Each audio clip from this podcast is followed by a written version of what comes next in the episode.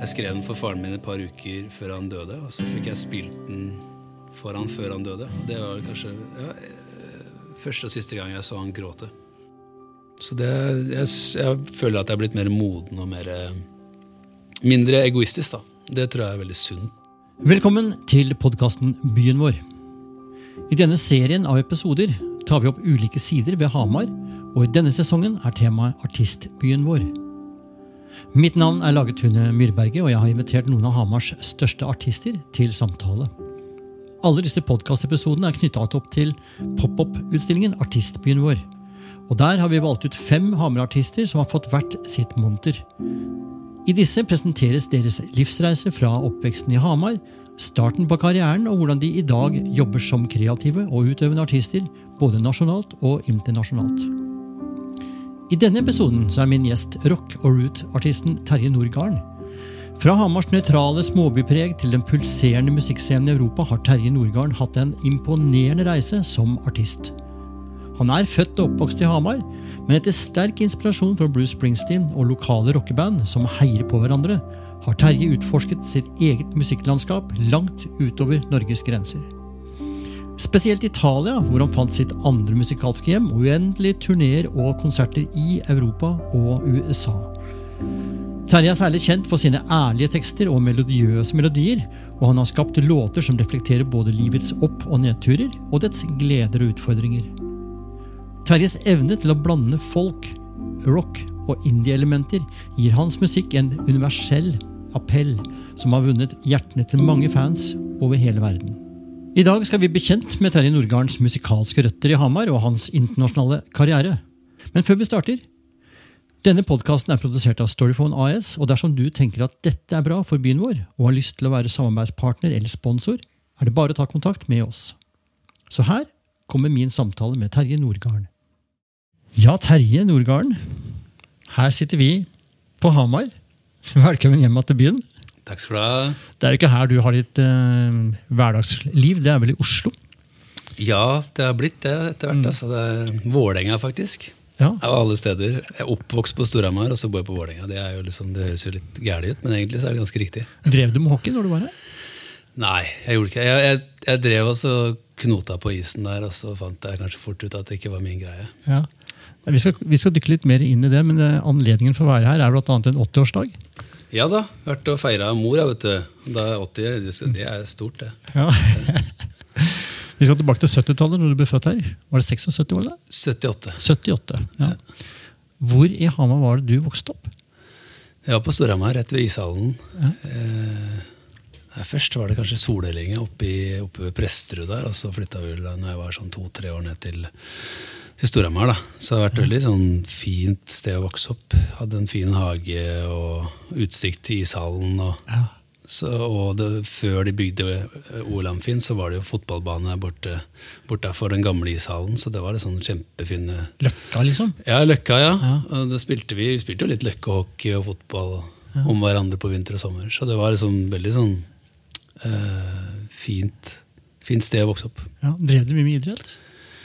Jeg gjorde det. Jeg var ikke noe talent, men jeg var glad i fotball og, og diverse. Jeg ble kanskje, jeg, jeg er kanskje blitt uh, enda mer glad i idrett på mine eldre dager. Jeg føler at jeg, jeg skulle ønske jeg var 14 nå, for med det hodet her. da, For Ja. at jeg forstår mye mer nå sammenheng mellom ting. da. Jeg, jeg kommer mye raskere fram til, til hvordan du skal gjøre ting. Jeg har begynt å spille tennis siste året, og det er jo også litt av en utfordring. da. Men det er kanskje noe jeg aldri ville gjort når jeg var 14, for jeg hadde kanskje ikke hatt tålmodigheten til å stå og terpe og terpe og terpe og terpe da, på detaljer. Og det er jo det du må gjøre i alt fotball også. Jeg husker vi hadde noen på laget på, jeg spilte på HamKam, som, eh, spesielt én som bare sto og terpa før og etter trening. Eh, når treningen var ferdig, så bare fortsatte den. Og det det er jo sånn du kommer liksom til til eh, noe ekstra, da, tenker jeg. Ja, 14, sier du. Eh, Jeg vet at det skjedde noe annet når du var 14. Du var på en konsertopplevelse som eh, gjorde en forskjell for deg. Ja, det var Valle Hovin i 1993 med Bruce Springsteen. Da, Hva var det som skjedde da, Terje? jeg vet ikke. Jeg ble bare Jeg hadde forberedt meg litt, da. Søstera mi var den som introduserte meg for, for Bruce, da. Og jeg forsto vel litt allerede da når jeg hørte på låtene, men jeg forsto det ikke helt. Det var litt sånn, litt sånn der gradvis eh, forståelse. Men når jeg fikk Bruce Springsteen foran meg liksom, i tre timer og 40 minutter, så var det Da var jeg frelst. Da, da forsto jeg hva jeg skulle drive med. Da. Det var gitar og, og skrive låter om damer og biler og sånn.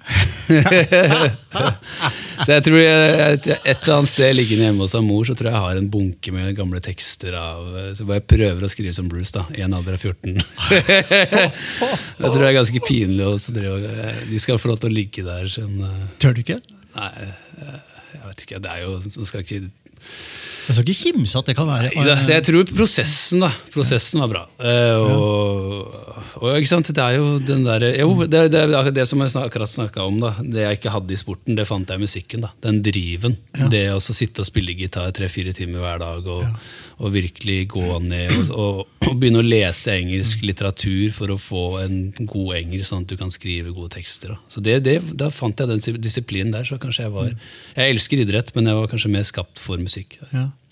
Men uh, gitarspilling og oppvekst, og hvor tidlig var det du var i gang med gitarspilling? For, for det er jo utgangspunktet for låtskrivinga di, er vel gitar? Det er det. Uh, det. Nei, Det ble vel rundt Bruce. da. Jeg husker vi drev og knota litt på ungdomsskolen. Men det, mm. liksom, det hang down your head Tom Dooley og sånn. Det ble ja. ikke så veldig mye På Ager, eller? Ja. Hva het læreren? Uh, må vel være Var det Henning? Jeg, jeg, tror det var Er det ikke far din, da? Ja. ja. det var Henning. Shout out til Henning. Ja, ja. Så det, han var også naturfaglærer, faktisk. også. Ja. Så det Moro, moro kar. Uh, men uh, Nei, det, det jeg, tror, jeg, tror, det er bra for mange kids også å få prøve seg på gitar, da. Men du må mm. liksom klare å linke på ungdomsskolen. Men jeg tror du må klare å mm. linke til noe mer for at det skal gå videre. da. Ja. Så, men det, det, var da Bruce som virkelig fikk meg fikk lyst til å mm. lære gitar. da. Ja. Så det var vel da den alderen der, 13-14-15. Mm. Hvilke andre minner har du har fra Hamar? Det er masse, egentlig. Det er jo masse minner hele veien fra, fra jeg var liten kid og så på Storhamar eh, spille hockey. og Børre Østvang spilte hockey.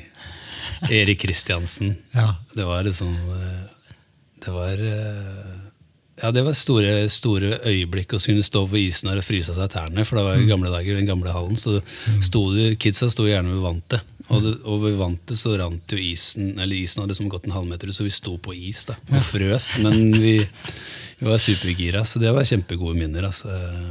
Også når da Storhamar fikk seg OL-Amfin, så ble det liksom, da ble det da, da, ble det krona ordentlig, og da, da, da, vi begynte å dra hjem seriemesterskap.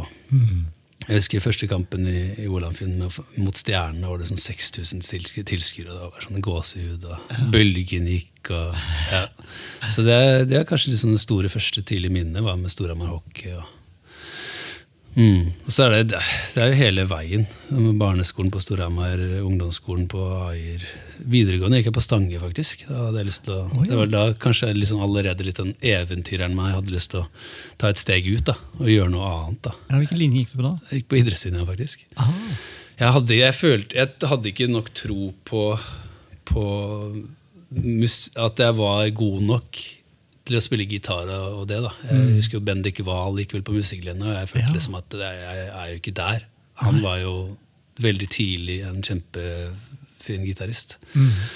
Ja, men, men kanskje, kanskje, kanskje, like greit at jeg ikke mm. gjorde det. for Det, det hørte jeg fra flere fra musikklinja seinere tid, at, at, de ble lei musikk i løpet av tre år der. da, at, ja. For at det ble for, eh, ble for metodisk og for, eh, for teoretisk. Eh, ja. Mens jeg på en måte kanskje fikk lov til å velge mitt eget tempo da, ved å lære musikken på egen hånd. Dette er interessant, Terje. for I går så gjorde jeg innspilling med podkast med Frida, som nå lytteren kan også høre på. Eh, mm. Hun gikk jo også på musikklinja på Stange. Ja. Eh, vel å merke med klarinett som hovedinstrument. Og hun eh, ville tilbake dit som lærer fordi hun nettopp ville påvirke med en mye mer åpen mer autodidakt tilnærming på det å få lov til å uttrykke og skrive sitt materiale, uttrykke sin stemme mer enn bare være flink til å beherske stemmen og styrke seg liksom teknisk. Mm. Men også jobbe med uttrykk. Ja. ja. det er jo det som Det spørs jo hva du skal jobbe med. da. Skal du jobbe innenfor klassisk musikk, så, er det jo, så vil de liksom ha veldig sånn teknisk utdanning. Men jeg tenker, skal du jobbe som ja, enten frilansmusiker eller soloartist, så, så er det viktigste du har, er karakter Ja. i uttrykket ditt. Har du ikke det, så er du anonym, da. Mm. Og det er akkurat det vi er ute etter på den utstillinga vi jobber med nå, den med artistbyen Hamar. er å finne dere som har funnet deres stemme, da, og har en karakter. Så når eller, Klarer du å se tilbake og tenke at der begynte min reise til å finne min karakter? Ja, det var vel eh, Det var vel rundt den perioden. Først så ble det på en måte sånn blåkopi av Bruce Springsteen. da. Men så underveis, i 95-96, så hadde jo det bandet på Hamar Pod. vet du, Ja, med Ørnulf og Mats og de, og de ble jo lokale helter for meg. Eh, så det ser på det de drev med også, utfordrer musikken litt. da. mm. Spiller litt progressivt også. Eh, så det, og Motorpsycho eh, gjorde jo et stort inntrykk på meg. Hvordan de også lekte seg med liksom, alt fra akustiske låter til tyngre greier. Tool rundt den samme perioden også. Litt sånn, eh, på italiensk så sier de dispari, hva er det de kaller på eh, skeive taktarer. Ja, nemlig. Så da begynte jeg å jobbe mye med sju åttendeler og fem fjerdedeler, og, og leke mye med det. Noe som jeg har begynt å leke med nå i siste. Jeg har liksom lagt det fra meg lenge. Men så er det liksom det er, det er ganske morsomt å prøve å lage en låt i en skeiv taktart. For det er, eh, du får det til å føles naturlig samtidig som det egentlig er skeivt. Mm. Um, så jeg husker at jeg spilte et par steder på Hamar. Da kjente jeg liksom at jeg kanskje hadde noe ekstra. Da, for jeg fikk liksom anerkjennelse fra, fra Mats da, Halvorsen og, og Dagga fra Autopulver. Uh, for da dere spilte litt på Legenden, det var en jam-session der, og de liksom ga meg en klapp på ryggen og mente at ja, bra, Terje. Ja. Så det er sånn, hva faen, kanskje jeg har noe, noe ekstra, da. Ja. Eh, det, og det tror jeg er veldig viktig, altså, å kunne føle sånn tilhørighet til et miljø. Da. At de gutta som var litt eldre enn meg, de var jo to-tre år eldre enn meg kanskje, men de tok meg inn i varmen og, og, og liksom ga meg litt kudos. Og det, det tror jeg er viktig for å føle at man, eh, at man har noe å fare med. Da. Hvis du bare er på, på egen hånd hele veien, så er det ikke så lett å, å skjønne hva du driver med. Det er greit å navigere litt etter de andre. Så da, det var vel rundt den perioden der, sånn 17-18 år. da. Fikk liksom prøve seg med de store gutta på, på Legenden. Ja. Ja. Og da var det liksom å få spilt og framført ting også? Eller var det å få skrevet ting sjøl? Jo, det var jo det. Altså, Jeg skrev ting sjøl, og så fremførte jeg de på, på jam session. da. Ja. Med de og Har du fått med deg at det, det er jam sessions eh, på Kulturhuset her? Ja da, jeg skulle jo egentlig dit nå på onsdag. Eh, Men så hadde jeg hatt en lang bursdagsfeiring hele onsdagen med dattera mi. Shopping og hit og dit og greier. Så da når klokka var åtte på kvelden, så kjente jeg at nå legger jeg meg på sofaen. Føler at man begynner å bli gammel. Ja, Liksom. så gammel er du blitt. Det var, Uffa meg. ass. Det, da, sant? Hadde det vært fem år siden, så hadde jeg vært rett ned på Kulturhuset. Men det er sånn der, jeg vet ikke, ass. Det er ikke, Jeg er fortsatt sulten, men jeg er ikke så sulten som jeg var engang. Jeg tenker at det, det går greit. Liksom. Man trenger ikke å være på hele tida. Før når jeg var sånn 20, så tenkte jeg at musikk var alt. Det er jo ikke det. Musikk er jo bare en del av det hele. Og Det tror jeg er viktig å huske som musiker også, at det ikke blir sånn her tunnelsyn. da. At du tenker at nei, hvis du ikke driver musikk, så har du ikke skjønt noen ting. Men det er, eh, Musikk er bare en av mange uttrykk. da. Og jeg fant mitt uttrykk gjennom musikk, og det har vært eh, kanskje det jeg har satt pris på mer og mer de siste åra, er at det, mer enn at det er en inntekt og en jobb, så er det en døråpner. da. Mhm. Jeg har blitt kjent med tusenvis av mennesker over hele kloden pga. musikk. da. Enten om jeg har reist sjøl, eller om folk har hørt musikken min online. så ja. Masse mennesker. Jeg har vært i USA fire ganger på turné og sjekka, prøvd meg litt der. da. Og så har jeg vært rundt omkring i Europa og Italia. har jeg bodd i mange år. Så det, det er kanskje det jeg har satt faktisk faktisk nesten mest pris på. Hvordan mennesker bare åpner armene sine og gir deg en god klem og tar imot deg. Fordi at musikken din gir de noe. da. Ja. Og synge sammen, spille sammen. Det, er, de gir deg tro da, på, på menneskeheten. Musikken er, jeg føler at det er en nøkkel der, da. som så mange andre kunstformer også. Men musikken er kanskje den som er mest umiddelbar. da. Den som bare treffer folk rett eh, der og da. Ja. Er det da viktig med engelsk? Eller kunne det like gjerne vært hedmarksdialekt? Jeg kan jo ikke talla, så, eh, så der er Frida mye flinkere enn meg. Hun, hun, kan hun er kjempeflink til å, og også leke med dialekta vår. Jeg, jeg har fått litt pepper fra en kompis når jeg, prøver, når jeg, når jeg er på byen noen ganger så, og har fått i seg et par øl, så begynner jeg å prøve å tale, og det er bare Nei, Terje, du kan ikke tale. Så jeg bare har gitt opp, da. For jeg ga ut min første plate på norsk for tre år siden. Veldig bra timing. Ja. ut i februar 2020, og så i mars 2020 så Ja, kom koronaen. Så da hadde jeg litt ambisjoner om å, å, å prøve å sette litt mer røtter her hjemme da, med å synge på norsk. For jeg, jeg syns jo det var spennende, og jeg så at norske publikum responderte på en helt annen måte på låter eh, på norsk. Og, og Det er mer stuerent med norsk nå.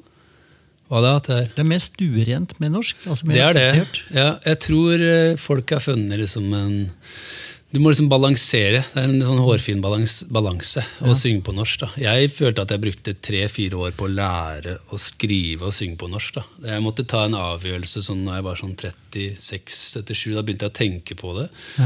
Og så, så, så satte jeg meg et mål at innen, 40, når jeg blir 40, så skal jeg gi ut en plate på norsk. da. Og det klarte jeg, da. Men det, jeg, jeg måtte For at i begynnelsen så bare føltes det teit. Det var bare sånn, sånn Det her funker jo ikke, og den linja der er- det er kleint. da. Så begynte jeg å finne fram en del norsk litteratur. da. Så jeg begynte å lese en del eh, Agnar Mykle og Hamsun og Knausgård for å få i gang den prosessen som jeg hadde brukt tidligere. For tidligere så brukte jeg jo engelsk.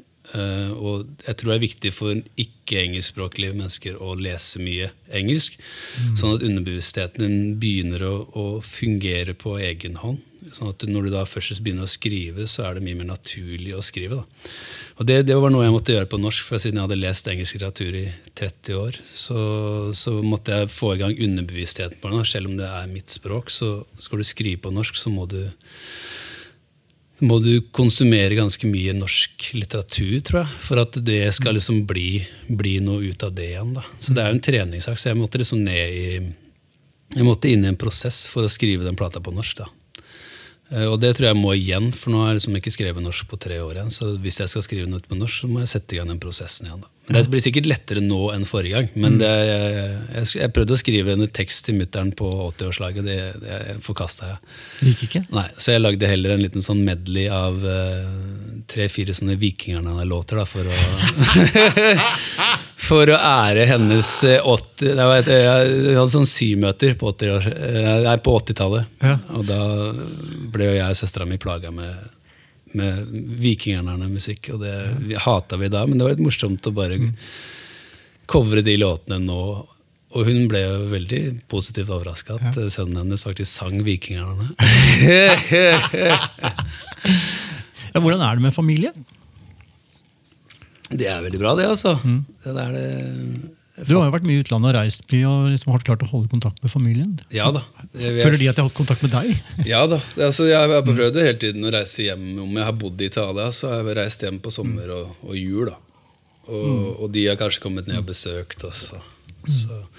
Men for lytteren, eh, la oss gjøre et lite hopp tilbake i tid. Eh, Etter Stange videregående så er det plutselig muligheter for å være voksen nok og gå på folkehøyskole.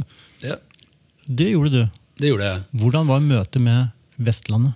Vestlandet. Det var eh, melankolsk, faktisk. Det var, det var en sånn overgangsperiode, tror jeg. Fra og det å være inne i, eh, inne den der eh, skoleramma da, som man har vært del av i tolv år.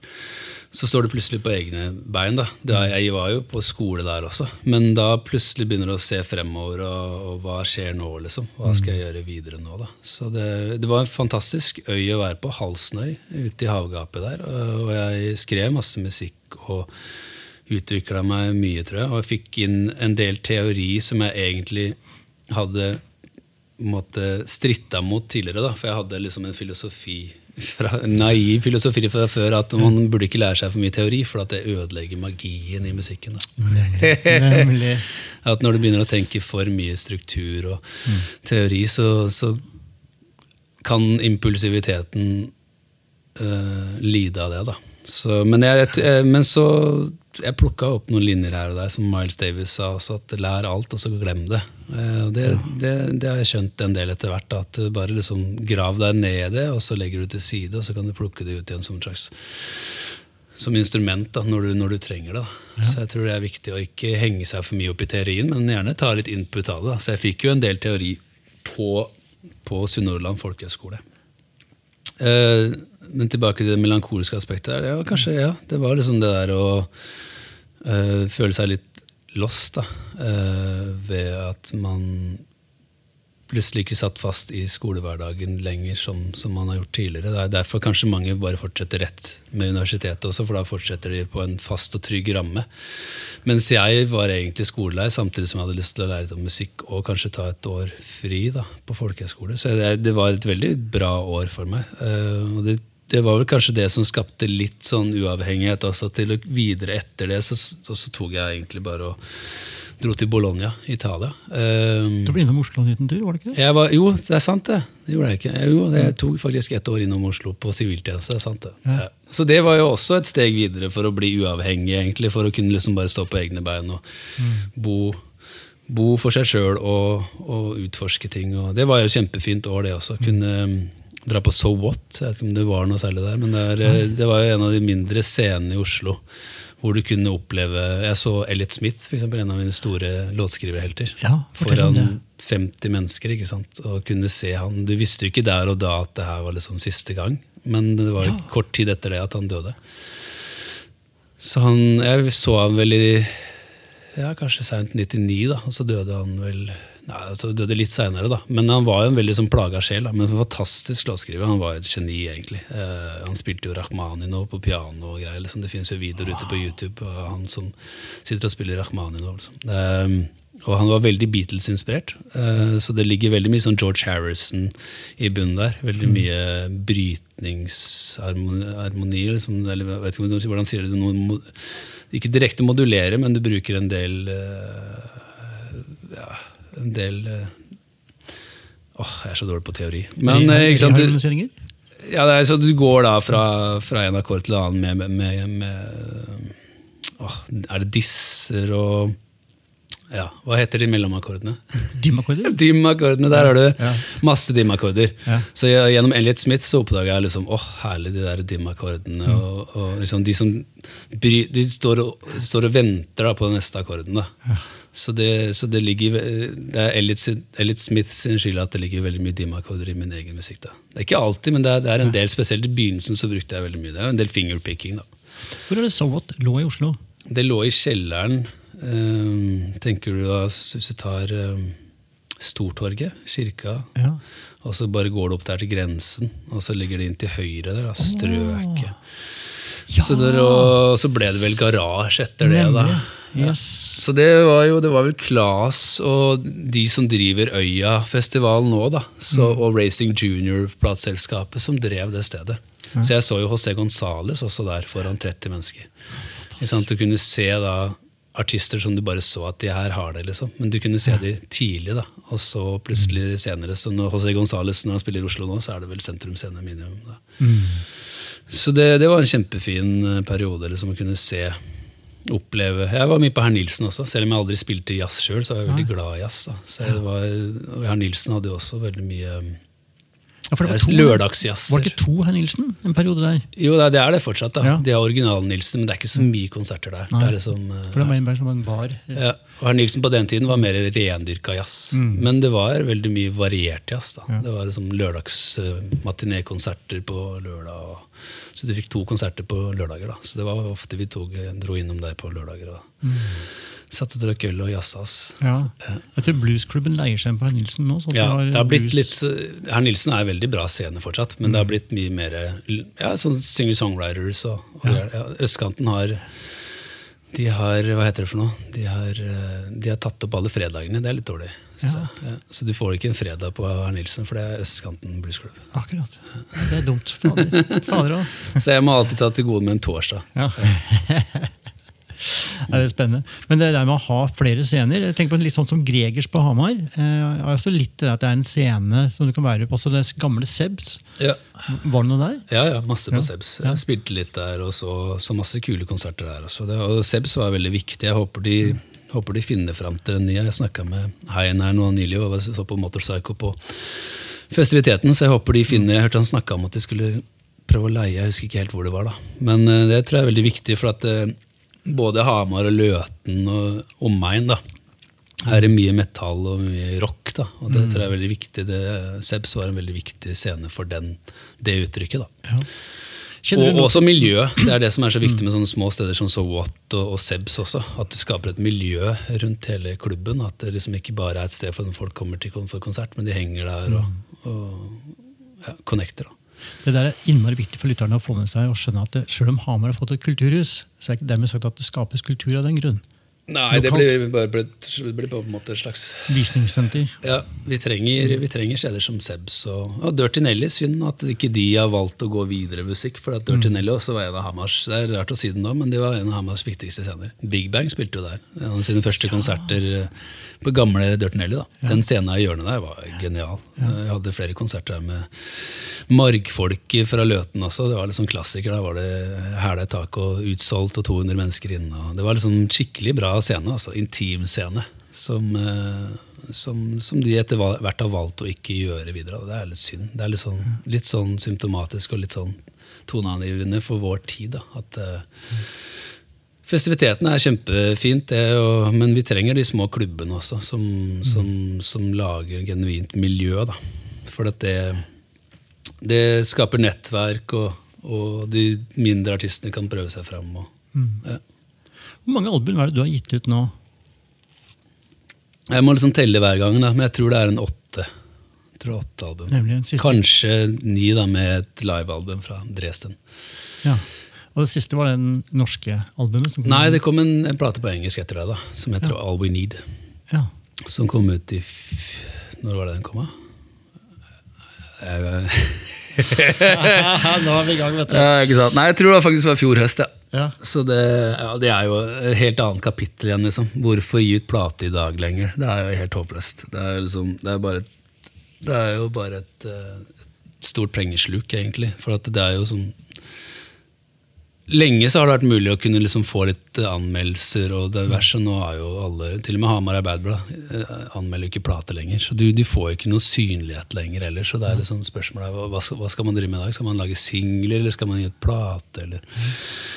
Så det er sånn, det var en veldig fin plate, uh, syns jeg, som jeg lagde med All We Need. Uh, Bjarne Stensli, uh, trommis og produsent fra Brumunddal, som har virkelig bana seg vei. da. Han har jo jobba mye med Morten Harket, a-ha og, Sivert Høie, Madrugada, de siste åra. Virkelig blitt en fantastisk produsent, samtidig veldig, veldig hyggelig kar. da. Så veldig, Han jobber mye med Jarle Bernhoft også, så det er en fantastisk produsent og, og tekniker.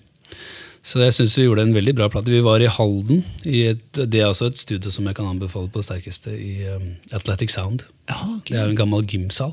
Ja. Så det er litt sånn, Du tenker nesten litt sånn Nashville da, når du kommer dit, for at alt er jo treverk. Gammelt treverk. Og trommelyden der er helt fantastisk, for at du har sånn to sånne panoramamikker oppe på, oppe på Hva heter det? Ja, en sånn liten tribune. Gesimsen? Ja, Gesimsen kanskje. Ja. Og så har du da trommesettet nede i det store rommet, så du får en sånn skikkelig Bonham, svær trommelyd, da, hvis du vil ha det. Og det jeg syns de holder en grei pris, og de har leilighet som da er inkludert i pakka. da. Så, det, så vi var der tre dager med hele bandet, spilte vi inn alt som live i studio, og så lagde, gjorde vi litt pålegg, da. Og så Bjarne litt vokal og, og greier. Så det, det, det, ble en veldig bra plate, syns jeg. Men er, da er det tilbake til det der liksom, hva skal man gjøre i dag? Det, er, eh, det var en periode hvor artistene tok tilbake makten, Ja. hvor vi kunne liksom gitt våre egne plater og, og gjøre det sjøl. Ja, Men nå har liksom plateselskapene tatt tilbake makta, for nå har de kjøpt, seg, kjøpt opp Spotify. Så nå er det Warner, Universal og Sony som sitter og bestemmer hvem som skal på playlistene. Og da er, det er jo de mindre artistene igjen Hvis du ikke er under paraplyen dems, så er du, så er du ute, da. Inn Så det- du, ja, ikke sant? Så du må være under, under labels eller et eller annet. Da. Så det er liksom Det er ganske, det er ganske rar greie å, å være del av. Så jeg er litt, akkurat nå så er jeg litt sånn, der, litt sånn limbo-fase hvor jeg tenker ok, jeg skal fortsette med, med musikk, men jeg må bare finne ut en måte å gjøre det på. Jeg, jeg tror jeg faktisk må tilbake til å finne et plateselskap. Jeg må ha samarbeidspartnere. da. Jeg Ja. tror eh, Det var en periode der hvor vi kunne stå på egne bein og gjøre alt sjøl, og Mm. det kan du ikke gjøre lenger. da. Føler jeg. Du kan gjerne gi ut en plate, men du kommer liksom ingen vei hvis du ikke har en struktur. da. Nei.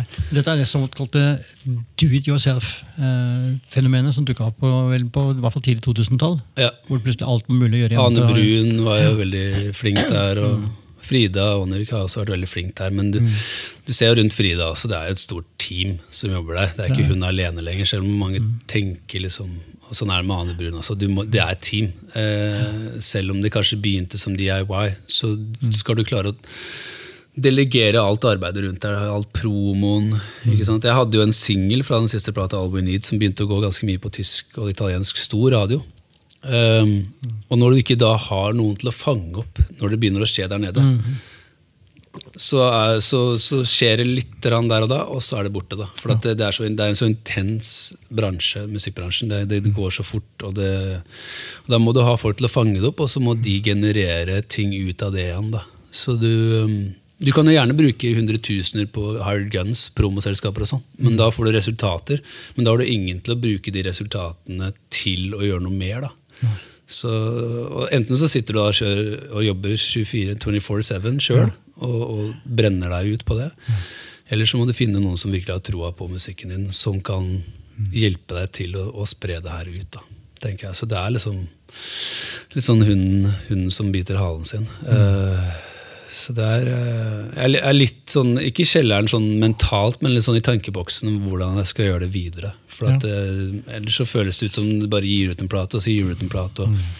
Eh, Korsveiplata, den norske platen, nå snakker jeg veldig mye her, men den, den det, det, var en periode igjen hvor du fikk mm. ganske oppmerksomhet, at du kunne gjøre en del sjøl. Mm. Eh, men som jeg sa akkurat nå, det er de mindre avisene Jeg husker Stein Østbø sa det eh, fra VG ja. en gang jeg ble kjent med han på midten av 2000-tallet, når jeg ga ut mine første plater. at mm i, i, i, dag, så, eller ja, Rundt da 2006 så kjempa alle artister og plateselskaper om å få en helside i VG for å presentere artisten og plata. Mm. Så at I fremtiden så vil alle kjempe om å få den lille plateanmeldelsen. På den tiden så hadde de 15 plateanmeldelser i uka.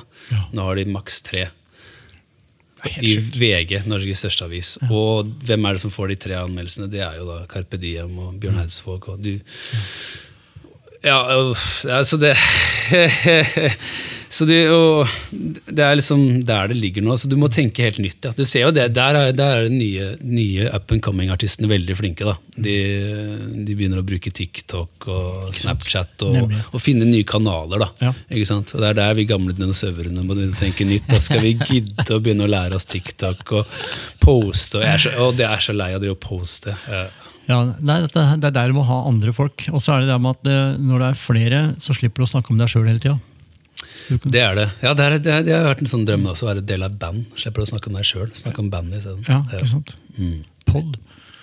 Min ja. mest spilte låt, eh, eller en av mine mest spilte låter, er den her, Terje.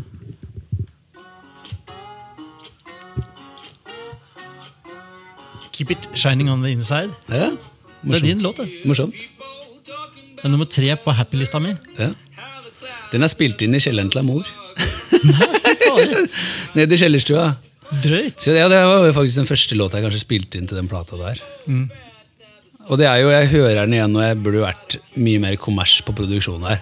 Full blåserekke og OO-damer og alt mulig. Men jeg syns det var kult å bare gjøre en sånn litt sånn nedpå-greie. Er så sjarmerende å vise. Ja. En dobro som jeg kjøpte i San Francisco. Ja. Nei, Den er helt herlig. altså. Ja, så morsomt. Hvor langt tilbake er dette her? 2011, kanskje. Ja, ja. nemlig. Ja, den ble skrevet i Berlin, faktisk. Jeg gikk gjennom eh, nå kommer det mye detaljer her. Ja. Jeg gikk gjennom Victoria Park i Berlin, og det var iskaldt. og, og skylaget liksom som lå sånn kjempelavt. Det som følte nesten at du kunne ta på skyene. Det, da begynte jeg å nynne på den melodien der. Så det var en litt sånn derre finne på en sånn god melodi å nynne på på en mm. dårlig dag. Ja. Det er samla fin hook-intro. Ja. Tre akkorder. nesten så kunne du hatt det med deg fra gitarkurset til Henning. Det. Ja, ikke sant? Ja. Men uh, du nevner jo Berlin. Uh, La oss hoppe tilbake. Uh, du tok altså siviltjeneste, var ett år i Oslo før du forsvant ut av Norge. Og Det er litt uvant karrieregang, kanskje? da, Du rett og slett flyttet til Bologna? Ja, det var ganske rart. det der. Jeg kom inn på... Dette er tidlig 2000-tall? Eh, ja. 2000, februar 2000. Jeg kom inn på Lipa-skolen i Liverpool. Eh, jeg hadde lyst til å gå der. Eh, men siden jeg ikke hadde noe teori i bunn, da, jeg var ikke flink nok på å lese noter, og sånn, så tok de meg bare inn på ett år i studium. Ja. Og det vil si at da den norske staten ville ikke dekke det med tanke på stipend. da. Er det her samtidig som Moki og Pål Bråtlund også vurderer å reise over på Lipa? Mulig. Jeg er ikke sikker på når de dro dit. Jeg tror kanskje Pål hadde vært der allerede. allerede. Ok, jeg tror jeg leste om Pål. Lurer på om de var første kull, ja. Ja. Ja. Ja, så jeg tror de hadde vært der allerede, så jeg fikk liksom Fikk litt innsikt på det der, da. Men da, da var det sånn at eh, hvis jeg besto det første året og lærte meg teori, og sånn, så kunne jeg da komme inn fullføre tre år i studium. da. Men det vil si at da måtte jeg ut med over 100 000 kroner, og det her er 2000. 100 000 kroner da var ganske mye da, fra egen lomme. Så da tenkte jeg at nei, det, det har jeg ikke råd til, så da bare droppa jeg det. Og så hadde jeg en eh, Jeg har blitt kjent med en italiensk motorpsycho-fans. Jeg vet ikke om du vet det, men eh, motorpsycho er veldig, eh, veldig elsket i Italia. Okay. Så de har en egen kult fanskare som driver og følger det rundt der. Da. Så, det var, eh, så jeg ble kjent med en italiener på en motorpsycho-konsert på Rockefeller i Oslo. Ja. Som bodde i Bologna. Så, så han sa at han kunne hjelpe meg med å og, og, og fikse en leilighet der nede. Så tenkte jeg hvorfor ikke det? Liksom bare, det, det, er litt sånn, det er litt sånn symptomatisk av mitt eget liv. Jeg liker å gjøre det vanskelig for meg sjøl. Jeg husker på ungdomsskolen så hørte Ja. alle på Enten så hørte du på Guns N' Roses eller Metallica. Og jeg hørte på Bruce Springsteen. og Alle bare lo av meg. Liksom, bare sånn, De har ikke skjønt noen ting. Men eh, hvem er det som står igjen i dag, liksom? Ja. Ja, det Metallica Guns Roses består de, men det er jo, Ja. det er jo det, Springsteen er tidløs. Men uansett, så, så det er Jeg hadde vel egentlig vurdert London også. Eh, Jeg skjønte jo at skulle jeg gjøre noe i den retning. Men jeg hadde vært mye i London allerede, så jeg var ikke sånn veldig keen Mm. på London. Så jeg ville bare heller oppleve noe helt annet, da. Og da ville jeg det var vel litt akkurat som på ungdomsskolen, at alle gjorde det, så da ville jeg gjøre noe annet. Så da dro jeg til Bologna isteden. Og det, det er et sært valg, og det var ikke noe sjakktrekk sikkert i forhold til å prøve å blåse opp en karriere. Men det, Mm. Det er, vel, det er, vel, er det Detroit som er området til Bruce? Nei, Bruce er fra New Jersey. Ja, ok. Ja, for du kunne jo valgt å reise dit, da. ja jeg kunne det. Så, Men jeg var ikke men siden det ville vært logisk, så ville du selvfølgelig ikke gjøre det, nei. Vidar Busk dro jo så ra- raskt han kunne over til USA. Jeg, jeg var vel Jeg kjente en, ja, ikke sant? Jeg, var, jeg kjente en tilknytning til musikken, men jeg var ikke så keen på å dra til USA. egentlig. Jeg dro litt senere, men det, kanskje jeg følte at det var for stort steg. Men jeg, Det ble Bologna. Det ble Italien. Bologna. Jeg følte at Motorcycle. jeg tror kanskje, ja? Jeg tror noe i meg sa at jeg hadde lyst til å oppleve noe, en helt annen kultur. da. Jeg syns ikke den engelske eller amerikanske kulturen er så veldig forskjellig fra den norske. Vi er ganske like. da. Mens den italienske er ganske forskjellig. I dag så, så globaliseres vi, så vi er jo mer og mer like. Men til og med den dag i dag så er det liksom veldig deilig å ha en fot i Italia og en fot i Norge. for at det... Når jeg syns Norge blir litt for perfekt og litt for kjedelig, så drar jeg til Italia så får jeg kaos. Og så er det bare, å, så herlig som her. Det er ingen som er redd for å være ko-ko. da. Nei. De er ko-ko hele gjengen. liksom. Og, det er, eh, og egentlig så er jo alle mennesker litt ko-ko, men vi nordmenn tør ikke å innrømme det. Vi skal egentlig liksom holde maska. og Når vi drikker, så, så, så lar vi galskapen slippe ut, for da har vi en unnskyldning. Nei, jeg var full, da. Men liksom, hvorfor kan du ikke bare la galskapen komme ut uansett. Galskap eller kreativitet har jo absolutt behov for galskap, for du bryter ut fra alle normer og barrierer. da. Ah, det var godt å høre. Ja, ikke sant? Jeg tror det. altså. Jeg tror det er viktig. Uh, så det var kanskje Og det var, det, så det var jo bare et eksperiment for meg å dra til Bologna. Det var ikke noen planer om å være der lenge. Men jeg hadde to planer, egentlig. Det var, en var også, også, også fylle ut uh, hva heter det for noe, et par hull i i, i vitnemålet fra Stange, for jeg mangla Jeg hadde kjemi og biologi, og jeg hata de faga. det takla jeg ikke. Det ble for teknisk for meg. da. Ja. Så da tok jeg og studerte italiensk på egen hånd i, på, i Bologna Ja. den våren der. Og så kom jeg tilbake til Oslo eh, sommeren 2000, og så tok jeg muntlig og skriftlig eksamen i italiensk, og så fikk jeg seks i begge to. Det var, så det var morsomt da. Og det også, men det som skjedde da, var at jeg begynte å spille på gata i Bologna. Og Bologna er jo den byen i verden med flest sånne der, hva heter det for noe, sånne broganger. da. Så du, I Bologna kan du gå rundt i hele byen uten å bli våt. fordi at uh, allerede på 1200-tallet så bygde de da fortauene under, under byggene. Så du kan da gå under de brogangene. Arches, eller hva det heter. Men eh, jeg tror det er også er verdens lengste sammenhengende brogang. Den er flere kilometer lang i Via Saragozza.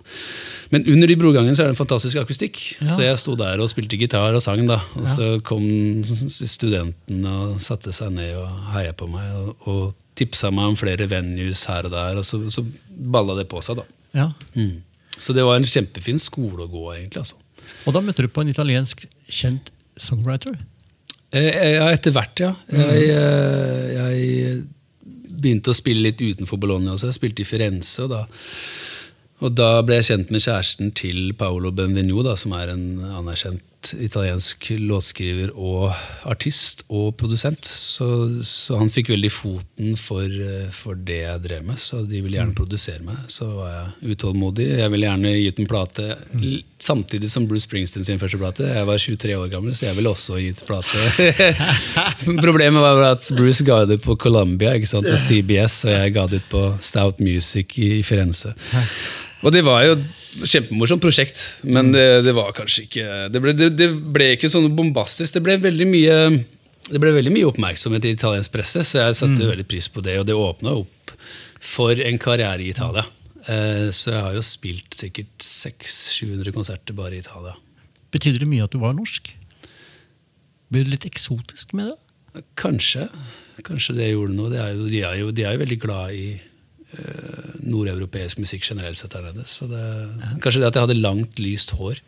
Ja. Det som det hjelper. Det gjorde vel noe. Eh, men eh, jeg håper jo at, at det betød noe at musikken var bra. Da. At det var noe, hadde noe å formidle. Men når du reiser med deg sjøl via Vestlandet eh, og verneplikt i Oslo og kommer med Bruce Springsteen-inspirerte låter, eller i hvert fall en inspirasjon av den mer root-baserte amerikanske musikken da, eh, til Italia, hva fra Hamar er det du har med deg gjennom ditt italienske eventyr? Mm, ja, det er jo oppvekst, da. Og hva man eh, Refleksjon, kanskje. Litt melankoli. Jeg har alltid vært litt sånn melankoliker av meg. Eh, jeg, er sånn, jeg tror kanskje det er litt sånn Spesielt når du skal skrive, så tror jeg nesten er en sånn nødvendighet. Ikke at du skal søke det, men at, at du har litt faser da, som går litt opp og ned. For da får du litt sånn eh, refleksjon og litt kontraster i forhold til eh, du, Det er en sånn evig søken i, i Norge, og kanskje egentlig i hele den vestlige verden, at man skal være så lykkelig. Men du kan jo ikke ha en konstant lykke. For da er, jo ikke, da er det jo bare apati. Du, blir ikke, du må ha kontraster for at du skal kjenne den lykken. da. Men jeg tror, jeg tror jeg har litt melankoli kanskje fra, fra Hamar. Sånn, jeg var litt, alltid litt sånn outsider. Uh, og det, det gjør at uh, du enten så takler du det, eller så takler du ikke. da. Eh, Og jeg lærte meg å takle det å være litt outsider, og det gjorde meg også selvstendig. Så når jeg dro noen steder, så har jeg alltid takla å dra alene. For jeg har følt meg alene, samtidig som jeg har hatt kompiser i Hamar. og hatt... Men jeg, aldri, jeg var aldri en del av det kule, eh, kule klikkene på ungdomsskolen, f.eks. Men, eh, men jeg føler at det at man var litt på utsiden, gjorde at jeg klarte å bygge eh, karakter og tro på meg sjøl og det jeg gjorde. da. At eh, Stå for det jeg gjorde også. Så det tror jeg er noe jeg har med fra Hamar. da, At jeg, at jeg, um, at jeg lærte meg det. da. Og så er det ikke noe tvil å vokse opp med Mjøsa, så det kan ikke bli noe annet enn bra musikk av det. Keep it, keep it shining on the inside. Ja. ja, det var som jeg nevnte, det var skrevet på en veldig grå dag i Berlin. Og det er kanskje det Det er jo Det er noe det. så du- Melankoli, det. Det er jo det, men det, men det er melankoli inspirert litt fra hva som inspirerte meg med Bruce. Du kan si hva du vil om musikken til Bruce, da. men jeg tror en av de viktigste elementene med Bruce, og som jeg har sett det, som nå var jeg nylig i Rimini og spilte på en sånn Springsteen-dedikert festival der. og da det du ser som går gjennom for veldig mange av de menneskene som er glad i Bruce, er at han har gitt dem noe. Da. Han har gitt dem tro og håp, liksom, og det er det som går gjennom i, låtene låten også. At det er liksom Everything will be alright. Ja? Den gamle blues-mottoet til, uh, til Muddy Waters. Sånn, Every little thing's gonna be alright now. Ikke sant? Det er We shall overcome, da. Og det er Ja. det som går igjen i veldig mye av mus musikken til Bruce også. Og som, som også smitter over på meg, da, mm. i den låta som du nevner der. at og midt i sola skinner på utsida, så kan du få det til å skinne på innsida. ikke sant? Hvis du bare Du, du kan bare droppe den dialekten. Det fikser vi ikke. Altså. Jeg, jeg, vet, jeg, vet, jeg, vet, jeg, vet, jeg vet. Men, eh, men jeg tror det, altså. Det er at man eh, ikke tenker liksom At man ikke hele tiden tenker at de eksterne faktorene er avgjørende, men du kan, du kan, du kan bestemme hvilke faktorer som er avgjørende. At du kan kjempe for det. Apropos idrett og trening og alt det der. sånn, Det har jeg funnet ut etter hvert. Når jeg er på turné også, så jogger jeg gjerne prøver å jogge hver dag. Og trening har jeg funnet ut er en kjempefin måte å bekjempe litt den der melankolske Ikke det at den skal liksom tas bort, men at du gjør det litt lettere. da. Alt funker litt lettere. Når du har tatt deg en joggetur en halvtime, 40 minutter, så er du liksom litt, eh, og en god dusj, så er du litt lettere i kroppen og lettere til sinns. Og alle de problemene som henger over deg, er ikke så veldig De er ikke så Det, er, det, det, det går greit. Liksom. alt, alt ordner seg. da.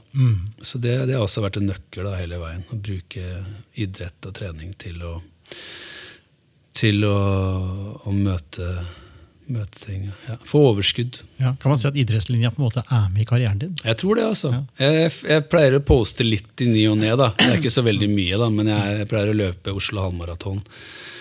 Eh, de siste åra har jeg løpt Oslo halvmaraton. Da ser jeg han eh, ene læreren min, Birger Søyland, eh, eh, setter inn en liten kommentar og liksom gratulerer med ny, ny personal best. da. Ja. Så jeg, jeg tror nok også han som kanskje ikke Når han så meg på idrettslinja, at jeg var ikke noe stort talent, det kom alltid til å bli noe stor utøver, så ser han at det er en kvalitet i det for det. tenker Jeg at, eh, jeg vet ikke hva filosofien til idrettslinja var opprinnelig, eller hva det er nå, om du skal bli idrettslærer, eller hva det skal bli. Men jeg tror liksom, du får jo full kompetanse for det. Eh, Men det som var veldig fint med idrettslinja for min del, var at det var så praktisk. Da, at, du, at du fikk 14 timer aktivitet i uka. eh, Enten ute i skogen på friluftsliv eller, eller bevege deg. Og det tror jeg vi mennesker har veldig behov for. Jeg tror det blir sånn, eh, det blir liksom litt under, eh, undervurdert da, hvor mye spesielt gutter har behov for eh, å, å utfolde seg. Da. Vi er jo fysiske vesener, vi kan ikke sitte stille på en stol i timevis. Vi er ikke skapt for det. Nei, jeg er ikke det. Det kjenner jo vi, du og jeg, i vår alder, at eh, nå er det tid å ta vare på kroppen og, uh, og forebygge. Uh, så jeg, jeg tenker at eh, ja, idrettslinja hadde en, en veldig for seg. Altså, jeg tror Det er mye som henger igjen der, både fra styrketrening og løpstrening. da. Eh, Birger Sjøland snakka om å grafse, om å grafse med foten og løpe. Altså, ja. du skal, når du skal sprinte, da. Ja. Du skal liksom, Sparke fra, sparke fra ordentlig. Ja. Også, også ikke minst rullinga. da. Ja. Når du hører folk jogger ute, og så hører du de bare slår i bakken med foten. Og bare tenker, åh, Jesus, bare kunne tatt et par timer på å få litt instruksjon. Mm. For du skal jo ikke slå i bakken, med foten, du skal jo rulle. Du skal jo egentlig være ganske stille når du løper. Du skal nesten ikke høre noen ting. Ah, ok. Du, skal, du, skal ikke, du skal ikke slå i hælen med eh, du skal ikke slå i bakken med hælen, men den skal lande med hælen, så skal du rulle videre. Da, sånn at du får en sånn fin rull. Så egentlig så funker da foten din som et hjul. Så du skal bare Og det er uansett rolling, uavhengig av hvor fort du løper? Nei da, når du begynner du å sprinte, ja. så skal du opp på tærne. Nemlig, Du har jo de som sprinter, som løper på tærne når de løper langdistanse også. Men da skal du løpe ganske fort. Ja. Jeg tror det er mange som tar feil der og tror at ja, de skal ta, ta den teknikken, men da skal du holde jævla høyt tempo. Ja. Eh, Så det tror jeg er noe du må gjøre seinere. Da. Da må du liksom opp på de store gutta, store jentene-nivå. da, For at da, da skal du liksom ligge opp på i hvert fall 15-16-17 km i timen. Ja. Om du skal ligge på tærne, tenker jeg. da, for at ellers så... Ja, for jeg, når, når jeg er på intervalltrening, så Ja. er det akkurat den bikken der du liksom løper opp til eh, 14-15, og så tipper du over til å bytte teknikk når du skal løpe fortere. Ja, mm. ja du, for at du Ellers så blir det veldig anstrengende tror jeg, hvis du skal ligge på tærne i en halv eller helmaraton. da. Ja. Ja.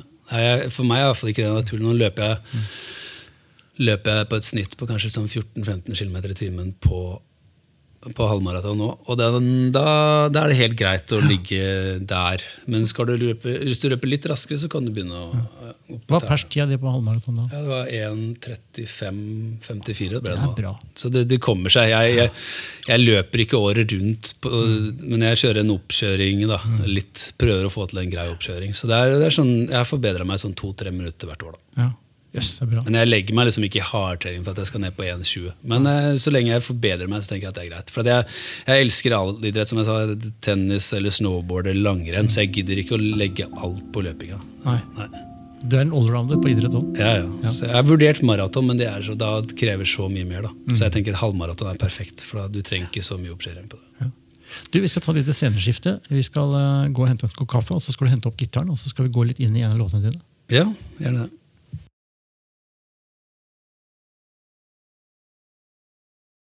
Terje, da er vi tilbake etter en liten kaffepause. Ja. Eh, Og der har vi gitaren. Er den stemt? Ja. Den er grei, den. Jeg syns det låter litt sånn som Nordmarka, den stemminga der. Er det en grunn til at jeg tenker det? Ja, det er jo treverk. Det er jo det er en liten historie der på at du finner, søker skogens ro i Ja. Nordmarka. Ja, øh, ja Østmarka, Sørmarka, Ja. det kommer an helt an på, da. Men jeg har Ja. blitt veldig glad i ehm, Veldig glad i Marka, Oslomarka. Jeg er jo glad i Åsa også her. Mm. Men det har blitt spesielt forhold til uh, Oslomarka. For at jeg fant jo ut for noen år siden at det er jo 30 pluss DNT-hytter innover i marka der. Som du kan uh, leie deg inn på. da Og alle de hyttene har en gitar også. Så jeg, uh, så jeg Men så fant jeg ut at flere av de gitarene er jo litt sånn, var litt slitne og kanskje trengte litt tilsyn, så jeg skrev en mail til DNT da for noen år siden at har dere noen til å se etter gitarene deres? Nei, det hadde de ikke, da. Så da, da tilbydde jeg meg at jeg kunne ta det litt på litt sånn, sånn eh, Jeg kunne gjøre litt dugnad for DNT og hjelpe dem da, med for, Jeg har vel sykla inn et par gitarer, jeg har gått på ski med et par gitarer inn, så jeg reparert noen gitarer, da. Ja, det er Kult, altså. Så jeg har skrevet mye innover i marka der. Og neste plata tror jeg faktisk er nesten forbeholdent eh, låter som er skrevet i marka. Det er en helt utrolig Det som skjer da, når du kommer langt nok inn i marka, jeg trenger ikke mer enn 2-3 km, så har du ikke noe mer dekning på telefonen. Så da kan du bare egentlig slå av den. Og så når du til slutt lander på denne hytta du skal til, så er det, det er så rolig og så fredelig der inne at liksom du, du, du kjenner at skuldra senker seg, og du, du roer deg. Og så setter jeg meg ned med gitaren og begynner å skrive og, og knote litt. Da, da kommer det fort en låt eller to. Det, er, det er blitt på en måte min måte å skrive på nå. Jeg trenger, liksom jeg trenger å komme meg ut fra, fra det vante. Så, eh, og da, da er det akkurat som det kommer mer dybde på det du skriver også, for det er så Det er så du er så ute av alt, da. Samtidig som du klarer å reflektere over hva du, hva du har lyst til å si. Ja, du er en melakoliker, Terje. Ja da. Så jeg, jeg, ba deg om å finne en låt som uh, vi kunne titte litt på, sånn at lytterne kan få være med deg på en liten låtreise. Og da valgte du låten 'Sang til min far'. Ja, det gjorde jeg. Det Jeg tenkte at det kunne vært en uh, Kunne vært en fin uh, Det er jo ganske sånn nære, intim låt. eh, er kanskje noe av det mest personlige jeg har skrevet. Da. Jeg skrev den for faren min et par uker før han døde, og så fikk jeg spilt den for han før han døde. Og det var kanskje ja, eh, første og siste gang jeg så han gråte. Og det, hadde jeg skrevet på engelsk, så hadde det aldri blitt så nære, da, tenker jeg. Så det er litt ekstra Det er noe ekstra ved det, da. Så Skal jeg spille? Gjør det, Terje. Ja.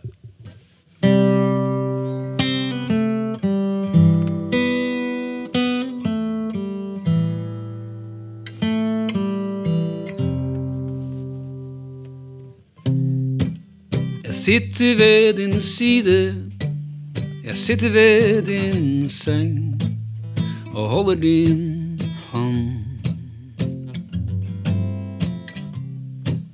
Du har meg her i livet, du har meg som en venn. Jeg er din sønn. Så mye vi har usagt, så mye vi skulle ha gjort.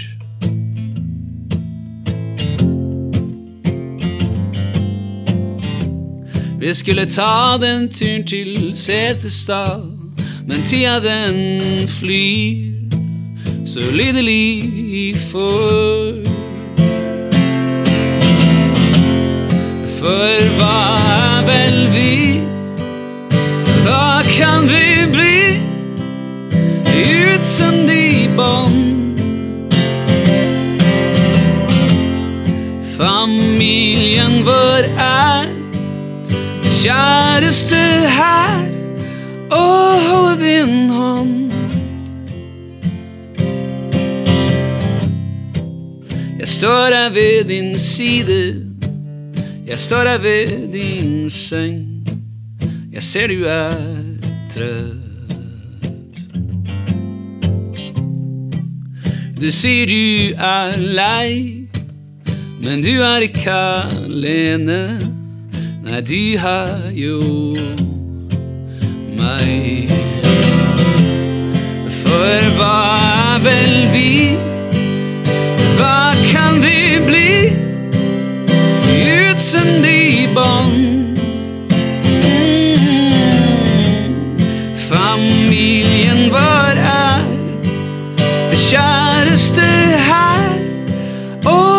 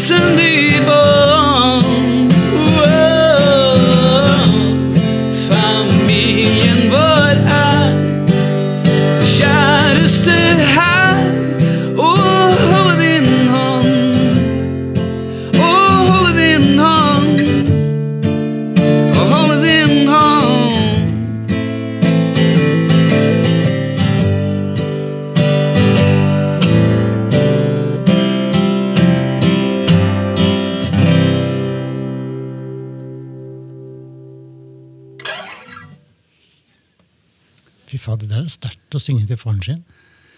Ja, det var det. det, det, det jeg skalv når jeg sang den til han da. Det var litt sånn spesielt. Hvor lenge var det igjen før han eh, forsvant da? Ja, han gikk vel et par uker da, etter det.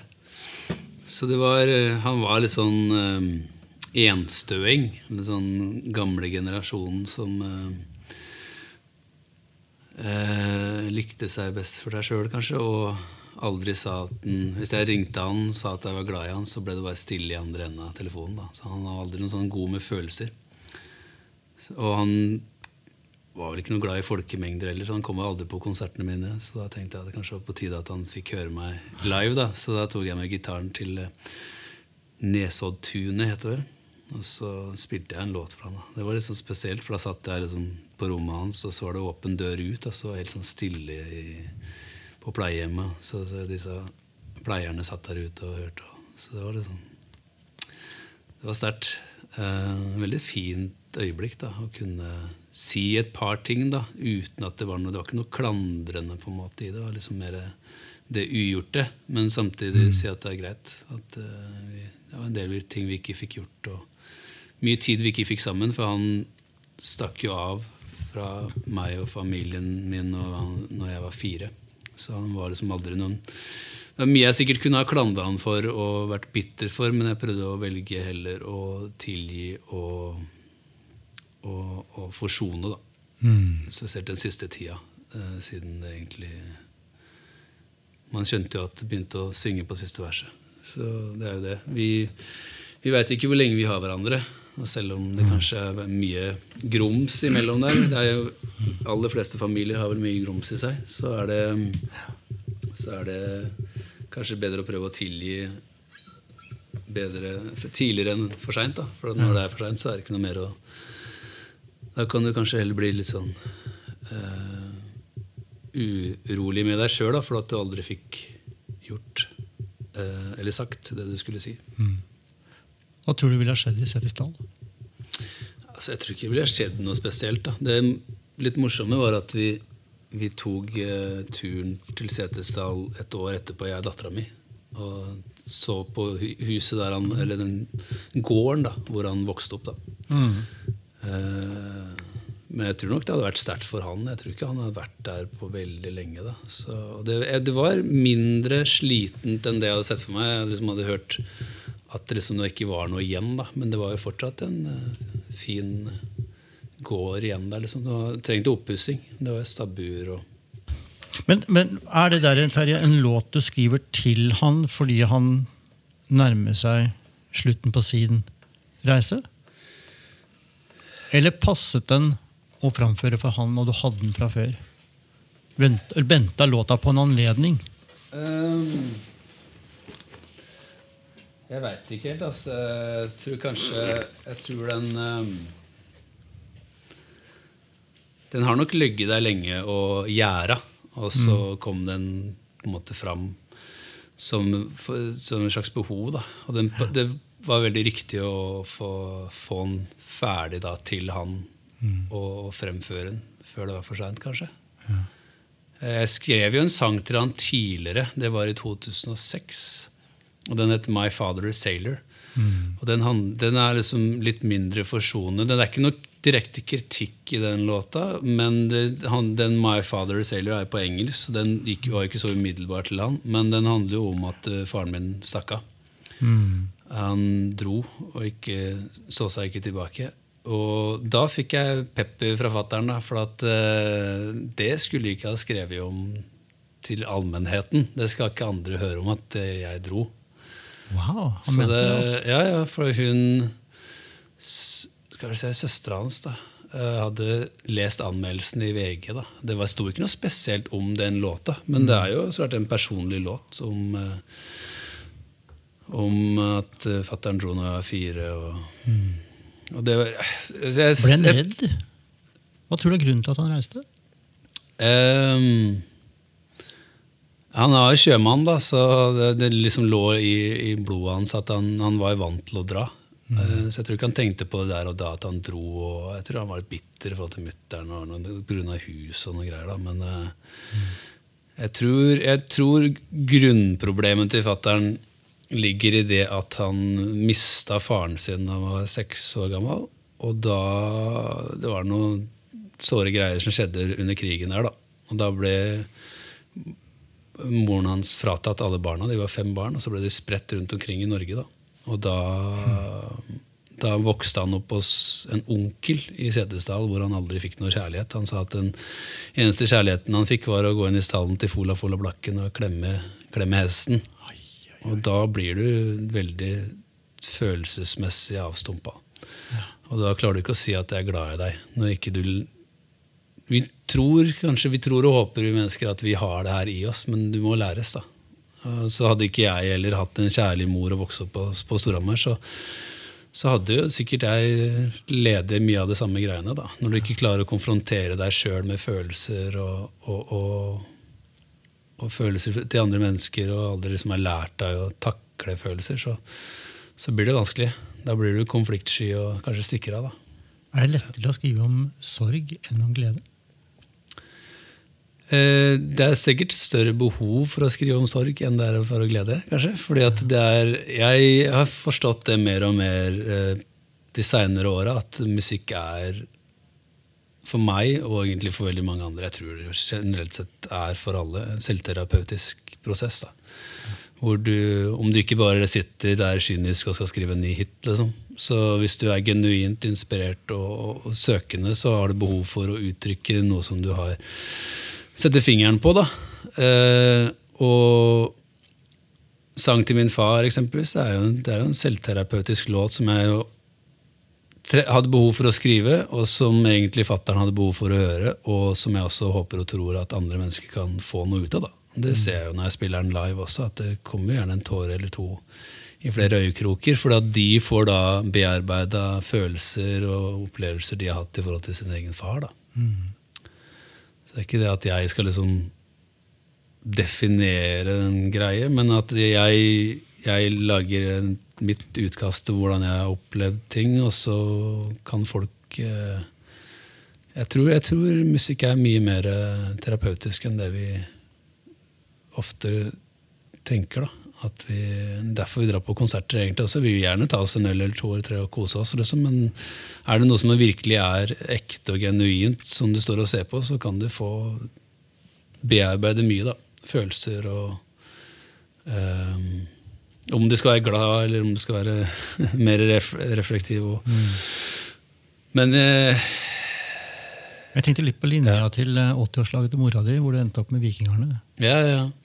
Mm. Altså, det er jo Ja, Vikingerne er veldig flinke på å skrive glad musikk. Det skal de ha. De har gjort veldig mye mennesker glad med den musikken der. og Det er det, er det de søker etter, og det er ikke noe gærent i det. da. Jeg bare fikk litt mye av den musikken når jeg vokste opp. Men når jeg spilte de låtene i går, så det er jo, det er jo Elvis egentlig på svensk. Mm. egentlig, Med litt ekstra glad- gladtone på det. da. Det, det har gjort millioner av mennesker glad av det, så hvorfor ikke? Så jeg, for meg personlig så Det er ikke det at jeg absolutt er melankolsk i, i meg, men at jeg absolutt skal gå etter det melankolske. Men jeg har behov for å bare bearbeide. Da. Men, mm. men jeg, jeg ser i min nyere musikk at det er hovedsakelig dur som er grunntonearten, ikke moll. Nemlig. Og det var mye moll i begynnelsen da jeg begynte å skrive, 14-15.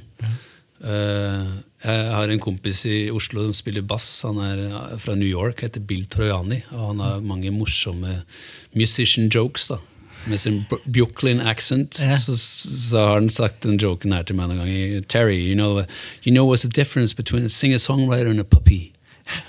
Vet du det? The puppy eventually stops whining. Og det er jo sant. Jeg tror vi, er, vi singer-songwriters i dag har blitt flinkere på det. Men det var en, sånn der new acoustic movement da, som kom tidlig i 2000-tallet. Damien Rice og forskjellig. Og det var så jævla mye sjøljamring da, at jeg bare Å, fy faen. Jeg, jeg syns Damien Rice har skrevet mye fine ting, men det er jævla mye moll. da, Og jævla mye sånn der stakkars lille meg, liksom. Og, og Regla Montagne også. Det, er liksom, det, blir, det, det kunne bli litt mye av det. Og jeg tenker at eh, så ille er det ikke med oss. For jeg, vi er så heldige at vi sitter på rommet vårt med en Martin-gitar til 15 000 kroner pluss. Liksom, og vi har det jævlig mye bedre enn 90% av verden. liksom. Hvor mange bluesmusikere skal til for å skifte lyspære? Jeg, jeg kan ikke det. Du trenger bare én, men eh, du trenger ti andre som står og synger om den gamle, gode, fine pæra. Ja. Som måtte skiftes. Ja. Ja. Som en gang skinte opp og lyste på alle hendelser etter rommet. Og, det er melakolin en gang, vet du. All, the, all the times. All the good times. Ja. Men Terje, helt til slutt. Eh, Og egentlig et rart tempo, eh, et tema kanskje løfte opp akkurat nå, men du har jo fått uh, kjenne på det å bli far sjøl. ja. Hva gjorde det med deg og melankolien din? Ja, så øh, den, Det gjorde meg veldig godt, tror jeg. Uh, jeg følte at uh, Jeg fikk et større vidsyn, kanskje. Jeg så verden i mye mer eh, 360, da. Jeg tror veldig mange mennesker med en bevisst tilnærming til det å bli foreldre har veldig godt av det, for at du, du blir mindre navlebeskuende. da. Når du er 20-25-30, så tenker du hele tiden rundt deg sjøl og karrieren din og etablering og leilighet og jeg og jeg og jeg. Og når du får barn, så skjønner du at det er ikke bare deg det handler om. Og, og livet går også videre uten deg. Da. Det kommer nye generasjoner, og du er ikke her for alltid. Eh, Så jeg har begynt å lære mer og sette mer pris på her og nå. da. Og, og, og være litt mer altruistisk og tenke at det er ikke så jeg, jeg legger ikke til side alle mine behov, men det er ikke så jævla viktig å stimulere mine egne behov hele tida. Liksom. Mm. Min datter, det, er, det er ikke det at jeg skal skjemme henne bort, men hennes behov går foran mine ofte fordi at det er riktig, for at eh, hun skal få en bra start på det livet her. da. Det var et valg jeg tok faktisk tilbake når hun var to år. Så bodde jeg på Sicilia, og da kom jeg hjem fra en turné, og så så hun opp på meg. Hun sa ingenting, men blikket sa 'Hvem er du?' Da hadde jeg ikke vært så lenge borte, det hadde bare vært et par uker, men for en toåring så er det jævla lenge. da. Og da tenkte jeg at det her går jo ikke. Vi kan ikke ha det sånn. Liksom. Det er ikke noe kult at du kommer hjem, og så er barnet usikkert på deg. Liksom, for det, da har det blitt så klynga til moren ikke sant? at jeg nesten er en ekstern, da, så jeg må jobbe meg inn igjen. da. Så det var vel rundt den perioden der hvor vi faktisk da øh, valgte å flytte tilbake til Norge igjen, fordi at også min da øh, samboer ikke Det var helt umulig for henne å finne noe jobb, selv om hun var fra Cecilia. så var det liksom ikke noe. På fire år der så hadde hun nesten ikke noe jobb. det var helt umulig. Så da valgte vi å flytte tilbake til Norge, og da valgte jeg å kutte ned på musikken. egentlig. Jeg følte at 140-150 konserter i året var for mye, så da tok jeg et valg som gagna egentlig både meg og dattera mi og familie også. At eh, nå kutter jeg ned til sånn 50 konserter i året, så får det være nok. Det er ikke, det er ikke så farlig, liksom. Det er liksom om om jeg skal klare å ta musikken videre, skal jeg klare å bli en sånn større artist, mer enn publikum, det får komme som det kommer, da. Men jeg tenker at livet her og nå er det viktigste, og så, så, så lever man det så bra som mulig. tenker jeg, for at det, Spesielt den tida, da, når fra barn er 0 til 15-16, så er det så viktig, den, den brobygginga du driver med da. Den får du ikke tilbake, så du kan gjerne dra på turné så lenge du vil, men da mister du veldig mye av den tida som du kan få med barna, som du ikke får igjen. da. Du vil ikke få en nærhet til barna på samme måte hvis du er borte mye av ungdomstida. Mm. Mm. Så det, jeg, jeg, føler at jeg er blitt mer moden og mer, mindre egoistisk. da. Det tror jeg er veldig sunt. At man, eh, at man ser litt forbi seg sjøl. Og, og, faktisk lærer også da å sette mer pris på livet. Fordi at det det er ikke for alltid, liksom, og da er det ekstra viktig å nyte det her og nå. Tida vi har sammen. Tida vi har sammen. Mm. Mere dur? Mer dur, ja. Absolutt. Men vi må ha både dur og moll, for ellers så blir det jo ikke noen kontraster. Det blir jo Ekvilibrum, balanse. ja, må ha det. Og noe dim, da. Ja. Kan, ikke, kan, ikke, kan, ikke, hoppe over dimmene. Så det mm, Ja, det, Men som sagt, det er mm, Jeg har blitt veldig glad i dur. Eh, mm det funker, eh, funker bra å starte en låt til dur. Terje Nordgarden, tusen hjertelig takk for en ærlig og lang prat. Takk skal du ha. Vi tar det oss. takk for at du har hørt denne episoden av Byen vår. En spesiell takk til Terje Nordgarden for å bidra med sin historie. Episoden er produsert av Storyphone, og du kan høre flere episoder der du lytter på podkaster. Dersom du tenker at dette er et spennende tilbud for byen vår, så kan du ta kontakt og bli med som samarbeidspartner og sponsor. Vi høres i neste episode.